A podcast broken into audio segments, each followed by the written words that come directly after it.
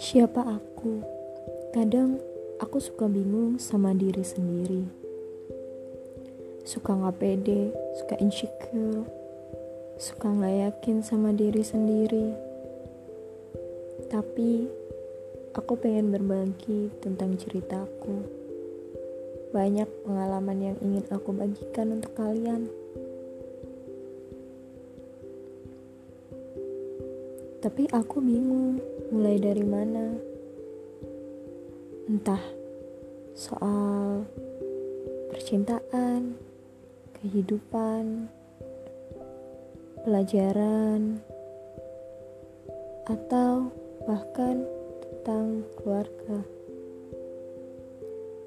Semoga saja aku bisa memulai